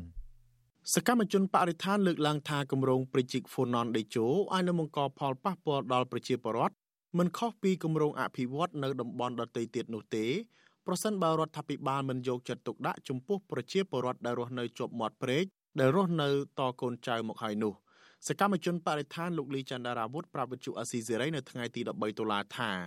លោកត្រេកអរចំពោះគម្រោងអភិវឌ្ឍថ្មីដែលនឹងផ្ដល់ផលចំណេញផ្នែកសេដ្ឋកិច្ចជាតិប៉ុន្តែលោកសង្ឃឹមថាគម្រោងនេះនឹងមិនមានការលេចលឺអំពីការតវ៉ារបស់ប្រជាពលរដ្ឋដែលមិនសុខចិត្តនឹងការផ្ដល់សំណងឬផលប៉ះពាល់បរិស្ថានផ្សេងទៀតចេញពីគម្រោងព្រីជីកនេះនោះឡើយលោកបន្តថាដើម្បីឲ្យគម្រោងព្រៃជីកនេះគេចផុតពីការរិះគន់របស់ប្រជាពលរដ្ឋ រដ្ឋាភិបាលត្រូវបង្ហាញរបាយការណ៍ស្តីពីការវិដំឡៃផលប៉ះពាល់បរិស្ថាននិងសង្គមជាសាធារណៈជាមុនសិនខ្ញុំសង្ឃឹមថារដ្ឋាភិបាលនឹងផ្ដល់ឱកាសឲ្យសង្គមស៊ីវិលយុវជនជាពិសេសហ្នឹងគឺប្រជាពលរដ្ឋមូលដ្ឋានហ្នឹងអាចចូលរួមនៅក្នុងការជជែកទៅលើការសិក្សាពីហេតុប៉ះពាល់បរិស្ថាននិងសង្គមនឹងដែរធ្វើយ៉ាងណាឲ្យមានតម្លាភាពឲ្យពួកគាត់បានបញ្ចេញយោបល់ដើម្បីយើងអាចធ្វើការបញ្ជៀសបាននៅផលវិបាកផ្សេងផ្សេងដែលវាមិនគួរកើតឡើងហើយខ្ញុំសង្ឃឹមថានៅក្នុងគម្រោងនេះនឹងគ្មានទេវិបត្តិដីធ្លីគ្មានទេការយំសោកពីប្រជាពលរដ្ឋដែលបាត់បង់ដីធ្លីរបស់ខ្លួនបាទក្តីបារម្ភនេះកើតឡើងគឺបន្ទាប់ពីឧបនាយករដ្ឋមន្ត្រីនិងជាអនុប្រធានទី1ក្រុមប្រឹក្សាអភិវឌ្ឍកម្ពុជាគឺលោកស៊ុនចន្ទថុលបានដឹកនាំកិច្ចប្រជុំពិនិត្យពិភាក្សាលើសេចក្តីព្រាងកិច្ចព្រមព្រៀងក្របខ័ណ្ឌនៃគម្រោង Project Funan Dejo ជាមួយក្រុមហ៊ុនសាជីវកម្មស្ពាននិងថ្នល់ចិនឈ្មោះ CRBC ដឹកនាំដោយលោកស៊ូយ៉ុងកាលពីថ្ងៃទី11ខែតុលា Project Funan Dejo គឺជាគម្រោងផ្លូវនាវាចរនិងប្រព័ន្ធភស្តុភារកម្មទន្លេបាសាក់ដែលបង្កើតឡើងកាលពីខែឧសភាដើម្បីពង្រីកវិសាលភាពនៃការប្រើប្រាស់សក្តានុពលលើការដឹកជញ្ជូនតាមផ្លូវទឹកសម្ដៅចូលរួមលើកកម្ពស់សកម្មភាពសេដ្ឋកិច្ចសង្គម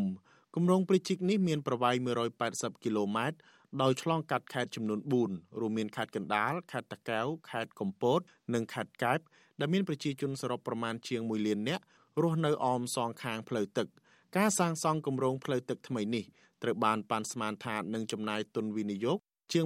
1700លានដុល្លារនិងរយៈពេលសាងសង់ប្រមាណ4ឆ្នាំវិទ្យុអាស៊ីសេរីមិនអាចតាក់ទងអនុប្រធានទី1ក្រុមប្រឹក្សាអភិវឌ្ឍកម្ពុជាគឺលោកសុនចន្ទថុលនិងអ្នកនាំពាក្យក្រសួងសាធារណការនិងដឹកជញ្ជូនលោកហៀងសុទ្ធិយុទ្ធដើម្បីសុំការបកស្រាយជុំវិញក្តីបារម្ភនេះបានទេ នៅថ្ងៃទី13តុលាទោះជាយ៉ាងណាសង្គមស៊ីវិលលើកឡើងថាគម្រោងអភិវឌ្ឍ ដែលដំណើរការនឹងគ្រប់គ្រងដោយក្រុមហ៊ុនចិនគឺមិនសូវឲ្យតម្លៃលើផលប៉ះពាល់បរិស្ថាននិងការគោរពសិទ្ធិមនុស្សនោះទេអ្នកសម្របសម្រួលគម្រោងធុរកិច្ចនិងសិទ្ធិមនុស្សរបស់មជ្ឈមណ្ឌលសិទ្ធិមនុស្សកម្ពុជាលោកវ៉ាន់សុផាតយល់ឃើញថាបើទោះបីជារដ្ឋាភិបាលធ្លាប់អះអាងថារាល់គម្រោងអភិវឌ្ឍទាំងអស់បានឆ្លងកាត់ការសិក្សាវិតម្លៃពីផលប៉ះពាល់បរិស្ថាននិងសង្គមហើយក្តីប៉ុន្តែលោកគ្មានជំនឿចិត្តលើលទ្ធផលនៃការវិតម្លៃនេះឡើយដោយលោកអះអាងថាកន្លងមក មានក្រុមហ៊ុនខ្លះធ្វើបទបង្ហាញខុសពីការពិតលោកបន្តថាកង្វះដំណាភាពនឹងការគោរពសិទ្ធិមនុស្សបានធ្វើឲ្យការអភិវឌ្ឍមួយចំនួនបង្កការឈឺចាប់និងទុក្ខវេទនាដល់ពលរដ្ឋតាមរយៈការបណ្តេញចេញទាំងបំពេញដែលធ្វើឲ្យកម្ពុជាត្រូវរងទណ្ឌកម្មពីប្រទេសលោកសេរីរហូតធ្វើឲ្យខាតបង់សេដ្ឋកិច្ចពាក្យថាការបណ្ដឹងចេញដល់បំពេញហ្នឹងមានន័យថាបំពេញនីតិវិធីបំពេញច្បាប់បំពេញសិទ្ធិមនុស្សបំពេញទៅនឹងអដែងបរិខាបទឋានអដែងសំណួរអន្តរជាតិហ្នឹងមានប្រជាពលរដ្ឋដែលគាត់ពិបាកក្នុងការទទួលយកហើយគ្មានអីក្រៅពីទឹកភ្នែកហើយនឹងការដើរចេញដោយមានការព្រីចាប់បំផុតបាទហ្នឹងហើយដែលជាមេរៀនដែលយើងចង់ដល់ជាអនុសាសន៍ដល់រាជរដ្ឋាភិបាលថ្មីសូមឲ្យលោកពិចារណាធ្វើម៉េចកុំឲ្យមានដើរតាមកន្លងចាស់ចឹងទៀតដែលវាធ្វើឲ្យការអភិវឌ្ឍហ្នឹងបែរទៅជាឲ្យប្រជាពលរដ្ឋរងទុក្ខវេទនាហ្នឹងការអភិវឌ្ឍដែលធ្វើឲ្យរះទឹកភ្នែកនេះធ្លាប់កើតមានជាច្រើនករណីមកហើយជាក់ស្ដែងកាលពីឆ្នាំ2021អាជ្ញាធរបានបញ្ជូនកម្លាំងជាង200នាក់និងគ្រឿងចាក់ទៅរុះរើវាយកំទេចផ្ទះប្រជាពលរដ្ឋរាប់សិបគ្រួសារដែលមានទីតាំងប៉ះចំគម្រោងផ្លូវលបឿនលឿនភ្នំពេញខេត្តព្រះសីហនុនៅត្រង់ចំណុចតភ្ជាប់មហាវិថីឈ្នះឈ្នះក្នុងខណ្ឌពោធិ៍សែនជ័យរាជធានីភ្នំពេញផ្លូវលបឿនលឿននេះសាងសង់ដោយក្រុមហ៊ុន PPSHV Expressway និងក្រុមហ៊ុនបត់សម្ព័ន្ធនៃក្រុមហ៊ុនសាជីវកម្មស្ពានថ្នល់ចិន CRBC សង្គមស៊ីវិលនិងសកម្មជនបរិស្ថានលើកឡើងថារដ្ឋាភិបាលក្រសួងពាក់ព័ន្ធនិងក្រុមហ៊ុនសាងសង់ក៏ត្រូវរក្សាឲ្យបាននូវដំណាភាពការគោរពសិទ្ធិមនុស្សដើម្បីធ្វើឲ្យប្រជាជនហ្វូណនដេជោក្លាយជាគម្រោងអភិវឌ្ឍដែលទទួលការសាទរពីមជ្ឈដ្ឋានជាតិនិងអន្តរជាតិមិនមែនក្លាយជាប្រជាជនទឹកផ្នែកប្រជាពលរដ្ឋនោះទេខ្ញុំថាថៃពីទីក្រុងមែលប៊ន បាទសេចក្តីរាយការណ៍ពាក់ព័ន្ធនឹងបញ្ហាបរិស្ថាននេះដែរសកម្មជនការពារបរិស្ថាន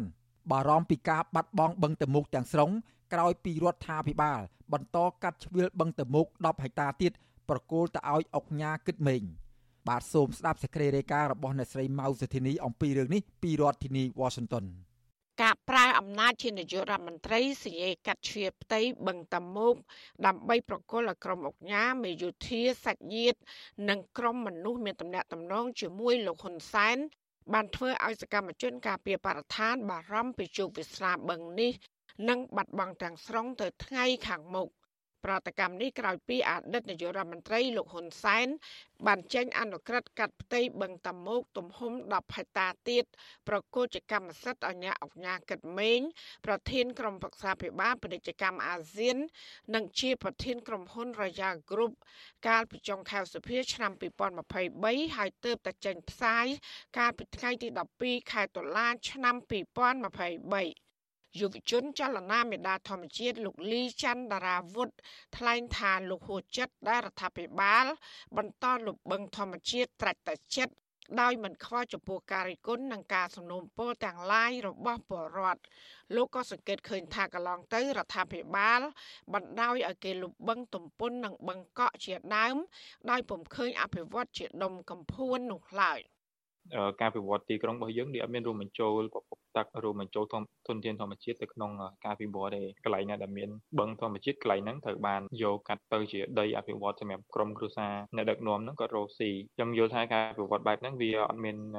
ជានិរន្តរភាពសម្រាប់ប្រជាពលរដ្ឋទូទៅណារដ្ឋាភិបាលហ្នឹងគួរតែរៀនពីការវិវត្តទីក្រុងមួយមួយហើយមើលយក model ណាដែលវាល្អសម្រាប់ប្រជាជនទីក្រុងគេត្រូវតែមានភាពបៃតងមានធម្មជាតិ បឹងតាមុកគឺជាបឹងធំចុងក្រោយគេនៅរាជធានីភ្នំពេញ មានផ្ទៃក្រឡា3200ហិកតាស្ថិតនៅសង្កាត់គោករកាខណ្ឌព្រែកភ្នៅ ក្នុងរាជធានីភ្នំពេញអ្នកសម្របសម្រួលគម្រោងធុរកិច្ចនិងសិទ្ធិមនុស្សរបស់មជ្ឈមណ្ឌលសិទ្ធិមនុស្សកម្ពុជាលោកវ៉ាន់សុផាត សង្កេតឃើញថាបរិវត្តរងគ្រោះដោយសារការលុបបឹងតាមុក ខ្វះភាពកក់ក្ដៅនិងខ្វះការយកចិត្តទុកដាក់ពីរដ្ឋាភិបាលលោកក៏បានស្នើឲ្យលោកនាយករដ្ឋមន្ត្រីហ៊ុនម៉ាណែតពិនិត្យបញ្ហានេះឡើងវិញ។ នៅតែមានបញ្ហានឹងការឡើងទេគឺថាបន្តិចទៀតទៅវាទីមួយគឺបាត់បង់ដីបឹងតមោកបឹងតមោកទាំងមូលតែម្ដងហើយក៏ប្រជាពលរដ្ឋហ្នឹងគឺថាបន្តិចទៀតគាត់ច្បាស់ថាជានឹងមានការបណ្ដឹងចេញដោយបំពេញរដ្ឋាភិបាលគឺថាកើតឡើងដោយសារតែការបោះឆ្នោតផ្ដល់ទំនុកចិត្តពីជាពលរដ្ឋជាតំណាងជាពលរដ្ឋហើយអញ្ចឹងបើសិនជាមិនស្ដាប់យោបល់ជាពលរដ្ឋហើយធ្វើជាពលរដ្ឋកាន់តែរងទុក្ខវេទនារងគ្រោះការសម្រេចចិត្តរបស់រដ្ឋាភិបាលហ្នឹងអាហ្នឹងគឺថាវាមានការសោកស្ដាយ វិទ្យុអសីស្រីនៅមិនទាន់អាចតាក់ទងសុំការបំភ្លឺរឿងនេះពីអភិបាលក្រុងភ្នំពេញលោកខួងស្រេងនិងប្រធានអង្គភិបអ្នកណែនាំពាក្យរដ្ឋាភិបាលលោកប៉ែនបូណាបានដល់ឡាយទេ នៅថ្ងៃទី13ខែតុលានេះដោយសារទូរស័ព្ទហៅចូលតែគ្មានអ្នកលើក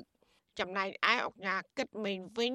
ក៏នៅមិនទាន់អាចសុំការអធិប្បាយបានដែរព្រោះនៅពេលវិទ្យុអសីស្រីទូរស័ព្ទហៅចូល មានអ្នកចុចផ្ដាច់ទូរស័ព្ទ របាយការណ៍អង្គការធឿនថ្នោតបង្ហាញថាគិតមកដល់ពេលនេះរដ្ឋាភិបាលបានកាត់ដីបឹងតមោកឬបឹងកប់ស្រូវលើកទី71ហើយហើយដែលសរុបគឺមានផ្ទៃដីជាង2300ហិកតាឬស្មើជាង73%នៃ ផ្ទៃបឹងតមោកសរុបដែលមានទំហំជាង3200ហិកតាប្រគល់ទៅឲ្យស្ថាប័នរដ្ឋក្រុមហ៊ុនឯកជននិងបុគ្គលឯកជន ដែលជាក្រុមគ្រួសារនិងសាច់ញាតិរបស់អ្នកមានលុយមានអំណាចនោះ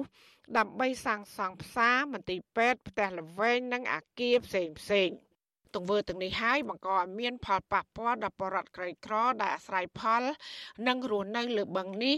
យ៉ាងហោចណាស់ជាង200គ្រួសារកំពុងប្រឈមការបណ្តេញចេញដោយបង្ខំនិងផ្ដាល់សំណងមិនសមរម្យចានាងខ្ញុំម៉ៅសុធានីវិទ្យុអសីស្រី ប្រធានាធិបតី Washington គណៈកម្មការទូលេមេគង្គរកឃើញថាការប្រែប្រួលអាកាសធាតុនិងសកម្មភាពរបស់មនុស្សកំពុងបង្កឲ្យទឹកទន្លេមេគង្គលើរីងរាក់ ការប្រែប្រួលមហូរទឹកនិងគ្រោះរាំងស្ងួតប៉ុន្តែសង្គមស៊ីវិលយល់ឃើញថា ដើមហេតុនៃបញ្ហានេះគឺចាប់ផ្ដើមពីការសាងសង់ស្ថានីយ៍វារីអគ្គិសនីក្នុងដងទន្លេផ្នែកខាងលើក្នុងប្រទេសចិនចំនួន11កន្លែង បាទសូមស្ដាប់សេចក្តីរាយការណ៍របស់លោកតារារិជសែនរាយការណ៍អំពីរឿងនេះទន្លេមេគង្គដើរតួនាទីយ៉ាងសំខាន់សម្រាប់ជីវភាពរបស់ពលរដ្ឋដែលរស់នៅពឹងផ្អែកទៅលើការអាស្រ័យផលពីទន្លេមួយនេះ ប៉ុន្តែប៉ុន្មានឆ្នាំចុងក្រោយនេះលំហូរទឹកទន្លេមេគង្គមានការប្រែប្រួលខ្លាំងដែលបញ្ហាទាំងនោះនឹងជះឥទ្ធិពលទៅលើជីវភាពរបស់ពលរដ្ឋដែលរស់នៅពឹងផ្អែកទៅលើការនេសាទនិងរបរកសិកម្មព្រមទាំងប្រព័ន្ធអេកូឡូស៊ីរបស់ទន្លេមេគង្គ របាយការណ៍ប្រចាំឆ្នាំនៃការសិក្សាស្រាវជ្រាវរួមគ្នាមួយរបស់គណៈកម្មការទន្លេមេគង្គ MRC និងមណ្ឌលធនធានទឹកទន្លេឡានឆាង LMC ដែលបានចុះផ្សាយក្នុងគេហទំព័រកាលពីថ្ងៃទី9ខែតុលាថាការប្រែប្រួលរបបទឹកទន្លេមេគង្គនេះតាក់ទងទៅនឹងការបម្រែបម្រួលនៃអាកាសធាតុនិងសកម្មភាពរបស់មនុស្សដូចជាការសាងសង់ហេដ្ឋារចនាសម្ព័ន្ធដទៃទៀតជាដើម របាយការណ៍គណៈកម្មការទន្លេមេគង្គ MRC បានបញ្ជាក់ថាបញ្ហារំហូរទឹកស្រកចុះដល់កម្រិតទាបនិងការរាំងស្ងួតពុំដែលមានពីមុនក្នុងរយៈពេល6ទសវត្សរ៍គឺក្នុងចន្លោះឆ្នាំ2019ដល់2021បញ្ហានេះបានបណ្ដាលឲ្យទន្លេមេគង្គជួបប្រទះការកង្វះលំហូរទឹកក្នុងរដូវវស្សាហើយបែរជាមានទឹកជន់នៅរដូវប្រាំងទៅវិញលើសពីនេះក៏មានបញ្ហាដូចជា របបទឹកប្រែប្រួលនៅខ្សែទឹកទន្លេខាងលើ របបទឹកភ្លៀងចុះថយ និងគ្រោះរាំងស្ងួតជាដើមគណៈកម្មការទន្លេមេគង្គបានផ្ដល់យុទ្ធសាស្ត្រដើម្បីកាត់បន្ថយបញ្ហាប្រឈមនៃទន្លេមេគង្គសម្រាប់ប្រទេសពាក់ព័ន្ធទាំងអស់គឺត្រូវមានការឃ្លាំមើលនៃការប្រែប្រួលនៃរបបទឹកនិងអាងស្តុកទឹកនៃទន្លេឲ្យមានភាពប្រសើរឡើង ហើយត្រូវរាយការណ៍ដល់ស្ថាប័នពាក់ព័ន្ធជាប្រចាំដែលហេតុថាការប្រែប្រួលអាកាសធាតុក្នុងពិភពលោកវិវត្តទៅមុខជានិច្ចទោះយ៉ាងណានាយកប្រតិបត្តិអង្គការបណ្ដាញការពារទន្លេ3 លោកលៀងប៊ុនលៀបយល់ឃើញថាផលប៉ះពាល់ចម្បងគឺបណ្ដាលមកពីការសាងសង់វារីអគ្គិសនីជាបឋមនៅផ្នែកខាងលើនៃដងទន្លេក្នុងប្រទេសចិន ហើយបន្ទាប់មកមានប្រទេសថៃនិងលាវជាដើមលោកថាការសាងសង់ស្ថានីយ៍វារីអគ្គិសនីជាបន្តបន្ទាប់នេះសុទ្ធតែជាកត្តាហានិភ័យមួយទៀតដល់វិស័យបរិស្ថាន ដែលទន្លេអាចស្លាប់និងប្រែក្លាយទៅជាបឹងនៅថ្ងៃអនាគតការសាងសង់ទំនប់នឹងឯងគឺវា បើនិយាយពីផលប៉ះពាល់ទំនប់វាក្រូនៅខាងខាងលើមេគង្គនៅប្រទេសចិនហ្នឹងក៏ជាង10ទៅហើយហើយមកខាងយើងក៏បាន2 3ដំណើរការទៅហើយទៀតដែរមានតាំងពីតនសហុងមានតាំងពីបាក់ឡាយបាក់បេងទាំងអស់ហ្នឹងឯងគឺសិតតែជាដំណើរការមួយដែលធ្វើឲ្យរបបទឹកនេះគឺប្រែប្រួលជាគំហុកហើយទំនប់ទៅតាមដៃទន្លេទៀតរាប់រយទំនប់ទៀតបាទក៏ក៏ក៏ក៏ក៏ធ្វើឲ្យធ្វើឲ្យរបបទឹកនឹងកាន់តែប្រែប្រួលខ្លាំងមែនទែនលោកលៀងប៊ុនលៀបបន្តថា ហានិភ័យដ៏ចម្បងមួយទៀតដោយសាររបបទឹកខុសប្រក្រតីខុសពីធម្មជាតិដូច្នោះធ្វើឲ្យមានការប៉ះពាល់ដល់ប្រព័ន្ធអេកូឡូស៊ីដែលជាលទ្ធផល បង្កជាបញ្ហាដល់រុក្ខជាតិនានា ដែលជាជំរកនិងជាចំណីនៃជីវៈចម្រុះដូចជាត្រី សម្រាប់ការបង្កបង្កើតកូនជាដើមគឺជលផលហ្នឹងគឺវាមានការប្រែប្រួលពីព្រោះតែអីគឺរបបទឹកផ្លាស់ប្ដូរធ្វើឲ្យត្រីខ្លះក៏ខានពងខ្លះក៏ច្រឡំវល់ជាមួយនឹងរឿង អឺទឹករឿងអីហ្នឹងទៅវាដល់រដូវត្រូវរកចំណីបែរជាទឹកអត់មានដល់រដូវដែលត្រូវចូលទៅវិញបែរជាទឹកមានចូលទៅលងអភិរក្សវិញហ្នឹងអានលងដែលត្រូវសងំវិញនៅខែលោករដូវលំហើយខែ11បែរជាទឹកមានទៅវិញអញ្ចឹងវាធ្វើឲ្យអាបះបង់ជលផលគឺរឿងសំខាន់បាទទន្លេមេគង្គមានប្រវែង4000គីឡូម៉ែត្រឆ្លងកាត់ប្រទេសចំនួន6រួមមាន កម្ពុជាឡាវវៀតណាមថៃចិន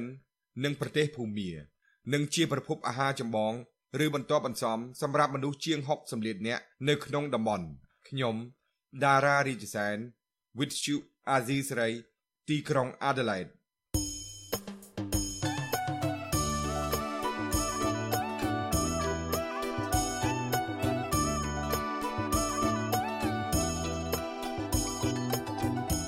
បាទលោកអ្នកនាងកញ្ញាជាទីមេត្រីលោកអ្នកនាងកំពុងតាមដានស្ដាប់ការផ្សាយរបស់វិទ្យុអស៊ីសេរីពីរដ្ឋធានីវ៉ាស៊ីនតោនសហរដ្ឋអាមេរិកបាទក្រៅពីលោកអ្នកនាងតាមដានស្ដាប់ការផ្សាយរបស់យើងខ្ញុំតាមរយៈបណ្ដាញសង្គមមាន YouTube Facebook និងបណ្ដាញសង្គមថ្មីរួមមាន Telegram និង Instagram នោះ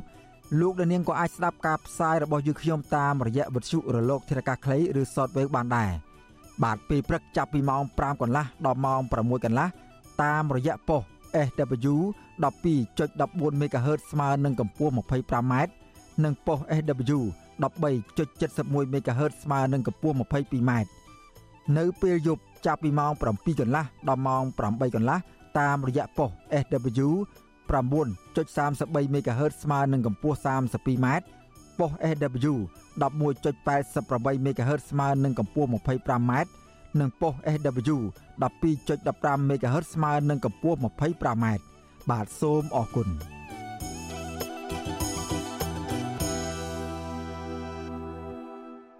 បាទលោកនាងកញ្ញាជាទីមេត្រីពាក់ព័ន្ធនឹងបញ្ហាបរិស្ថានដដែលនេះសកម្មជនការពីប្រៃឡង់អះអាងថា ពិតជាមានការស្ថាបនាផ្លូវមួយខ្សែថ្មីទៀតឆ្ពោះចូលទៅក្នុងដែនជំរកសត្វប្រៃឡង់ក្នុងខេត្តកោះចេះនិងខេត្តស្ទឹងត្រែង ដើម្បីសម្រួលដល់អាជីវកម្មដឹកឈើមានតម្លៃនិងអាជីវកម្មរ៉ែថ្មម៉ាបដោយក្រុមហ៊ុនឯកជន ការលើកឡើងនេះឆ្លើយតបនឹងសេចក្តីប្រកាសព័ត៌មានរបស់ក្រសួងបរិស្ថាន ដែលអះអាងថាពុំមានការឈូសឆាយផ្លូវចូលទៅក្នុងតំបន់ព្រៃឡង់ដោយការរកឃើញរបស់ស្ថាប័នសារព័ត៌មានអន្តរជាតិមុងកាបេនោះទេបាទសូមស្ដាប់សេចក្តីរាយការណ៍របស់លោកនៅវណ្ណរិនអំពីរឿងនេះដូចតទៅ សកម្មជនការពីប្រៃឡង់ខេត្តក្រចេះនិងស្ទឹងត្រែងប្រាប់វិទ្យុអាស៊ីសេរីនៅថ្ងៃទី10ដុល្លារថាផ្លូវមួយខ្សែចាប់ពីចំណុចឃុំកំពង់ចាមស្រុកសម្បូរឆ្ពោះចូលទៅកណ្ដាលព្រៃឡង់ក្នុងខេត្តក្រចេះនិងស្ទឹងត្រែងទើបតែសាងសង់ជាបន្តបន្ទាប់នៅរយៈពេលជាង8ខែកន្លងទៅនេះផ្លូវនេះជួយសម្រួលដល់សង្វាក់ផលិតកម្មដឹកឈើចេញពីព្រៃឡង់តាមគោយន្តម៉ូតូនិងរថយន្តកែច្នៃដើម្បីយកមកលក់ឲ្យក្រុមហ៊ុនចិន Sing Biotech ដែលមានទីតាំងជាប់ព្រៃឡង់ស្ថិតនៅក្នុងខេត្តក្រចេះចំណែកឯក្រសួងបរិស្ថានវិញបែរជាអះអាងថាមន្ត្រីឧស្សាហនរៈរបស់ខ្លួន បានចុះល្បាតជាប្រចាំនៅតំបន់នោះតែមិនបានប្រទះឃើញផ្លូវថ្មី ចូលទៅក្នុងដែនជំរកសត្វព្រៃឡង់ស្ថិតនៅក្នុងខេត្តក្រចេះនិងខេត្តស្ទឹងត្រែងនោះទេក្រសួងលើកឡើងបែបនេះកាលពីថ្ងៃទី7ខែតុលាឆ្លើយតបទៅនឹងសេចក្តីរាយការណ៍របស់វិទ្យុបារាំង AFE ដែលចុះផ្សាយស្រង់ប្រភពពីអត្ថបទស៊ើបអង្កេតរបស់ស្ថាប័នសារព័ត៌មានអន្តរជាតិ Mongabe ក្រសួងបរិស្ថានបន្ថែមថារាល់សកម្មភាពកាប់បំផ្លាញព្រៃឈើនៅក្នុងដែនសមត្ថកិច្ចរបស់ក្រសួងគ្រប់គ្រងត្រូវតែចាត់វិធានការច្បាប់និងកសាងសំណុំរឿងទៅតុលាការទោះយ៉ាងនេះក៏ដោយ ក្រមស្នូព្រៃឡង់ខេត្តក៏ចេះថ្លែងសុំមិនបញ្ចេញឈ្មោះប្រាប់វិទ្យុអាស៊ីសេរីថាផ្លូវថ្មីមួយខ្សែទៀតទើបនឹងសាងសង់មានប្រវែង10គីឡូម៉ែត្រចាប់ពីឃុំកំពង់ចាមឆ្ពោះចូលទៅក្នុងតំបន់ព្រៃឡង់ទំនងជាសាងសង់ដោយក្រុមហ៊ុនឯកជន លោកថាផ្លូវថ្មីមួយខ្សែនេះក្រាគ្រួក្រហមមានប្រវែងចន្លោះពី6ម៉ែត្រដល់11ម៉ែត្រទំនងជាសាងសង់ដើម្បីសម្រួលដល់ចរាចរណ៍ដឹកជញ្ជូនឈើខុសច្បាប់ចេញពីព្រៃអភិរក្សនិងអាជីវកម្មរ៉ែថ្មម៉ាប ខ្ញុំគិតថាសហគមន៍របស់ខ្ញុំមានការព្រួយបារម្ភណាព្រោះមានផ្លូវគឺមានអ្នកដឹកឈើគឺមានបទល្មើសឯងអញ្ចឹងបានថាកណូមពោឲ្យរាជរដ្ឋាភិបាលជួយទប់ស្កាត់ផងមិនមានផ្លូវយើងមិនងាយស្រួលពួកបទល្មើសដឹកជញ្ជូនឈើទៅវាឆ្លៀតណាយោងតាមអត្ថបទស៊ើបអង្កេតរបស់សារព័ត៌មានអន្តរជាតិ Mongabe ចុះថ្ងៃទី5ខែតុលា ឲ្យដឹងថានៅក្នុងតំបន់ព្រៃឡង់មានជនមិនស្គាល់អត្តសញ្ញាណបន្តឈូសឆាយព្រៃធ្វើផ្លូវមួយខ្សែទៅកាន់តំបន់ស្នូនៃដែនជម្រកសត្វព្រៃព្រៃឡង់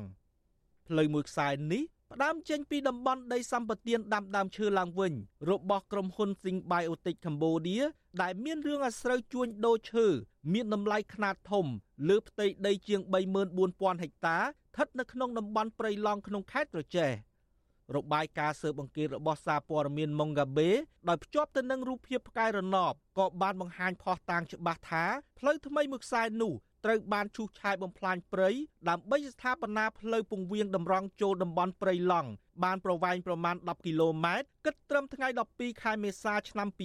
2023ជាប់តំបន់សហគមន៍ជនជាតិដើមភាគតិចដែលមានទម្លាប់ដងជាប់ទឹកជាច្រើនចំនួនមកហើយលើសពីនេះទៀត គិតត្រឹមថ្ងៃទី20មេសាឆ្នាំ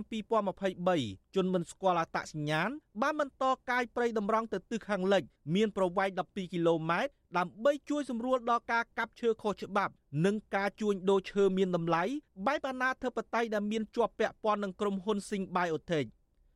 វិទ្យុអាស៊ីសេរីមិនអាចតាក់ទងសុំការបំភ្លឺរឿងនេះពីរដ្ឋមន្ត្រីក្រសួងបរិស្ថាន លោកអៀងសុផាឡែត និងអ្នកនាំពាក្យគណៈកម្មាធិការជាតិទប់ស្កាត់និងបង្ក្រាបបទល្មើសធនធានធម្មជាតិលោកអេងហ៊ីបាននៅឡើយនោះទេនៅថ្ងៃទី10ខែតុលា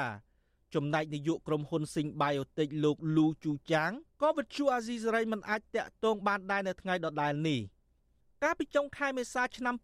2023ប្រធានគណៈកម្មាធិការទប់ស្កាត់និងបង្ក្រាបបទល្មើសធនធានធម្មជាតិលោកសៅសុខា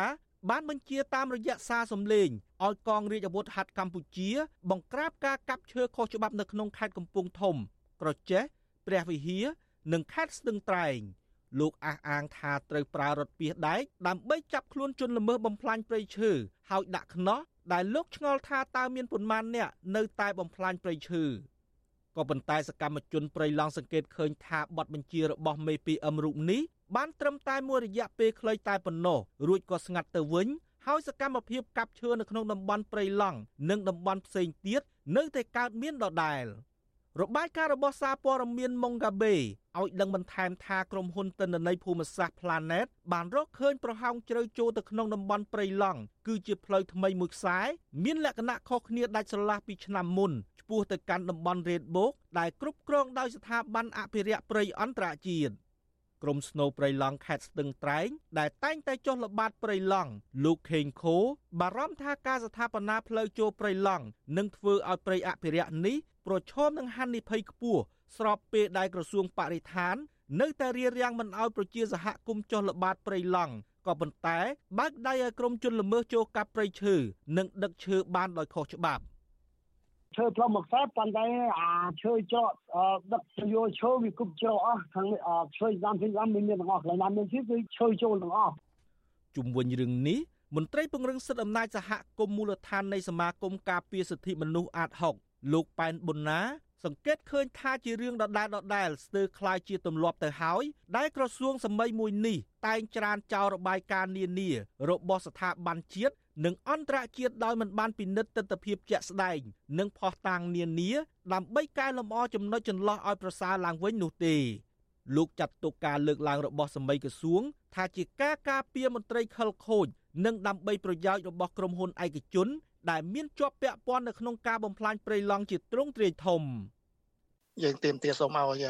ក្រសួងស្ថាប័ននីមួយៗត្រូវតែមានឆន្ទៈក្នុងការទទួលស្គាល់របាយការណ៍ពិតព្រោះកន្លងមករបាយការណ៍ភូតរបាយការណ៍ផននេះធ្វើឲ្យប្រទេសជាតិជួបប្រទេសតែវិបត្តិនៅក្នុងធនធានធម្មជាតិហ្នឹងវាលមមដល់ពេលសម្រាប់ក្រសួងទាំងអស់ហ្នឹងដើម្បីធ្វើការដើម្បីបម្រើជាតិហើយបាទហ៊ានត្រូវហ៊ានទទួលយកការខ្វះខាតរបស់ខ្លួន កាលពីដើមខែមេសាឆ្នាំ2022សារព័ត៌មានម៉ុងកាបេក៏បានរកឃើញថាអណ្ដូងរ៉ែថ្មម៉ាបថ្មីមួយដែលរដ្ឋាភិបាលបានផ្ដល់អាជ្ញាប័ណ្ណឲ្យដំណើរការសង្វាក់ផលិតកម្មស្ថិតនៅក្នុងតំបន់ព្រៃឡង់ខាងលិចនៃដីសម្បត្តិសេដ្ឋកិច្ចរបស់ក្រុមហ៊ុន Sing Biotech ក្នុងរយៈពេល3ខែដំបូងនៃឆ្នាំ2022ក្រុមហ៊ុនឯកជនមួយនេះបានកសាងផ្លូវមួយខ្សែទៀត ចាប់ពីដីសម្បត្តិរបស់ក្រុមហ៊ុន Sing Biotech ឆ្ពោះទៅតំបន់រុករករ៉ែថ្មម៉ាបដែលជាកម្មសិទ្ធិរបស់ក្រុមហ៊ុន KP Cement មានទំនាក់ទំនងជិតស្និទ្ធជាមួយអ្នកនយោបាយជាន់ខ្ពស់កម្ពុជាយោងតាមទិន្នន័យរបស់អង្គការឃ្លាំមើលព្រៃឈើពិភពលោក របស់សហរដ្ឋអាមេរិកគឺ Global Forest Watch និងទិន្នន័យវិភាគរបស់សាកលវិទ្យាល័យ Maryland បង្ហាញថាតំបន់ព្រៃការពារព្រៃឡង់មានទំហំដីធំជាងគេនៅកម្ពុជារហូតជាង4សែនហិកតា ក៏បានបាត់បង់ព្រៃជាង8000ហិកតាដែរនៅក្នុងឆ្នាំ2022តែតួលេខនេះតិចជាងឆ្នាំ2021របាយការណ៍នេះក៏បានបន្ថែមថាតំបន់ព្រៃអភិរក្សនេះនៅតែបន្តបាត់បង់ដើមឈើធំធំជាច្រើនទៀតនៅក្នុងឆ្នាំ2022ខ្ញុំបាទនៅវណ្ណរិន with Chu Azizi Saray ពីរដ្ឋធានី Washington